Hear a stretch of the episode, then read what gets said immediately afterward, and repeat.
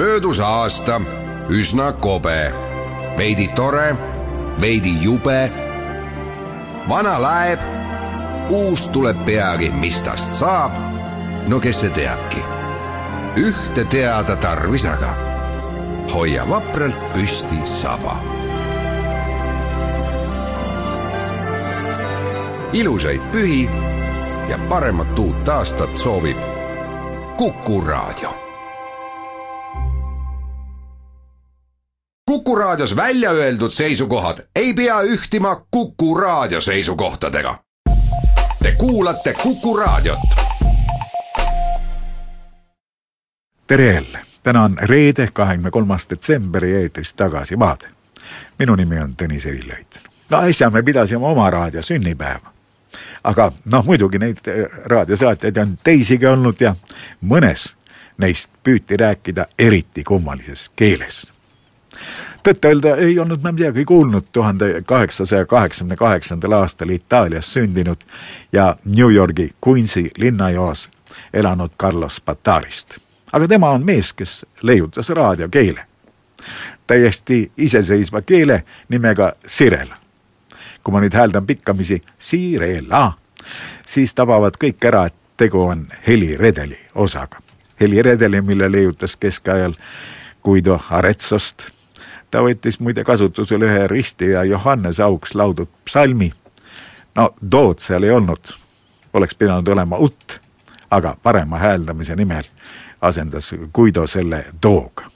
nii et Spatari võttiski tema heliredeli oma keele aluseks. esmaspäev kirjutab sellest, see on nädalaleht, eh, niimoodi. kui kuulate lühilaine saatejaamu, siis kostab äkki teie kõrvu säärane imelik lause Sirela Spatari, Midososi Misi. ja võib-olla mõtlete, et olete kinni püüdnud Tokyo saatejaama, kuid sugugi mitte. kui kavatsused lähevad täide, siis kuulete seda varsti kõigist lühilaine saatejaamadest. see pole uus ega keeruline signaal, vaid tähendab lihtsalt, meil on au teile esitleda härra Spatarit, kes kõneleb oma uut raadiokeelt. Carlos Spatari elab New Yorgis ja teenis endale esiti viletsat ülalpidamist muusikuna tänaval. nüüd, neljakümne kaheksa aastasena, sai ta ka leiutajaks. tema loominguks on keel, mida ta nimetab raadiokeeleks ehk sirelaks.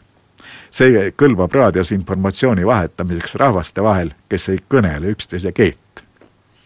Spatari ei tule kasutusele küll vestlustes ja erineb seega esperantost, volapükist, oksidentaalist ja teistest kunstlikest universaalkeeltest Spatari keel pole isegi foneetiline, kuna tugineb noodinimedele do, re, mi, fa, sol, la, si, do.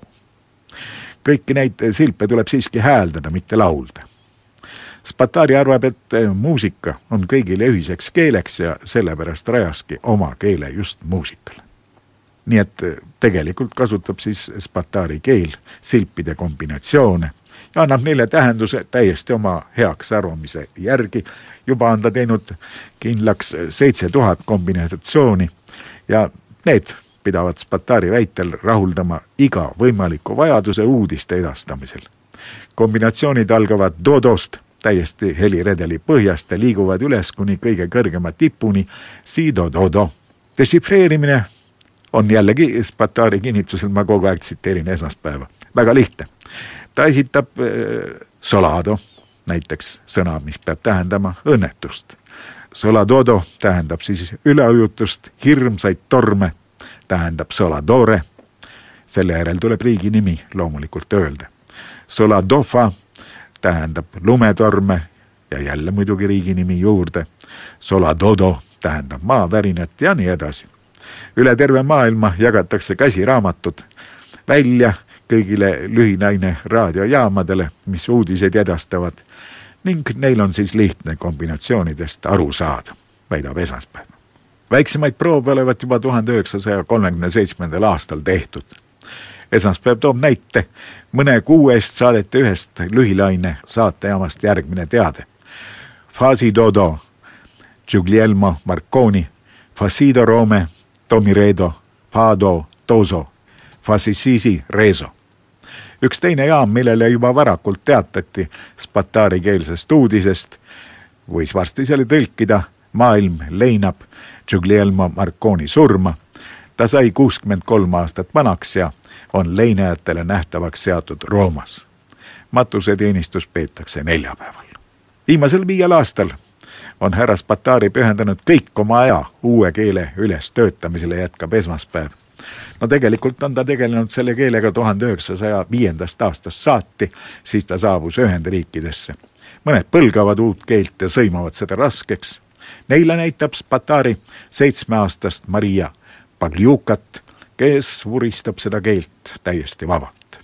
no tõsi, keelde tuli lisada hääliku ühend bo et kombinatsioonide arvu suurendada. aga esmaspäev lõpetab nii, lõppeks ei saa teisiti, kui peab tunnistama, et Spatari on palju aastaid jäänud hiljaks.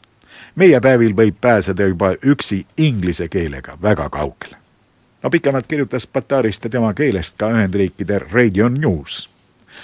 Spatari kiituseks toob ajakiri näide katsest, mida lasti teha ühes New Yorgi raadiojaamas neljal võõramaalasel paluti kuulata spataarikeelset teadet. Lahti šifreerimisel võisid nad kasutada omakeelset sõnaraamatut ja näe imet. juba mõne aja pärast oli uudis prantslasele enda keeles kirja pandud. järgmisena jõudis järje peale itaallane, siis hispaanlane ja kõige viimasena sakslane.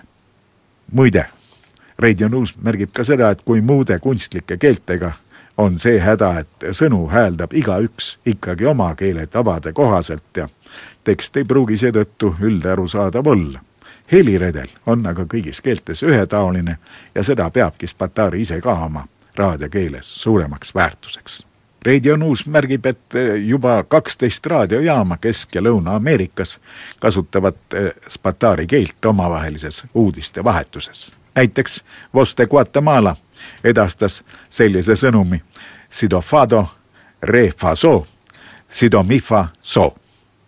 väga lühikene, aga kui pikalt lahti rääkida, siis tähendab see, sõda tuleb ära hoida. ärge laske end hirmutada võltsuudistest. probleeme on alati võimalik kompromisse otsides lahendada. ja me ei tohi oma ajusid propagandaga petta. peatu ja mõtle sõja puhkemine pole kellelegi vajalik, nii et nii pikk tekst, nii mõnede sidofadadega. Radio News toob ka nädalapäevade nimed spatari keeles. Fare on pühapäev, Fami esmaspäev, Fafa teisipäev, Faso kolmapäev, Fala neljapäev, Fasi reede ja Fabo laupäev. kuu taga jaanuar on Lazo, veebruar Lala, märts Lasi, aprill Labo mai Sido, juuni Sire, juuli Simi, august Sifa, september Siso, oktoober Sila, november Sisi ja detsember Sibo. Carlos Batari muidu tuli muide Ühendriikidesse, kui oli napilt seitsmeteistkümne aastaseks saanud, kodus oli ta õppinud viiulit, nüüd harjutas laeva peal kogu aeg flööti, et siis tänavamuusikana läbi lüüa lõi küll jah, sest viie-kuue aasta pärast oli ta juba muusikaõpetaja ja pani endale ette tiitli professor. üks eh, tema tolleaegne tuttav on oma päevikusse kirjutanud, et Spatari keelel on üks suur viga. Adolf Hitler on selles keeles ladosore. kui aga Hitleri asemel peaks kantsleriks tõusma näiteks kommunistide juht Ernst Thälmann, siis on temagi ladosore. ei mingit vahet. Kuulmiseni.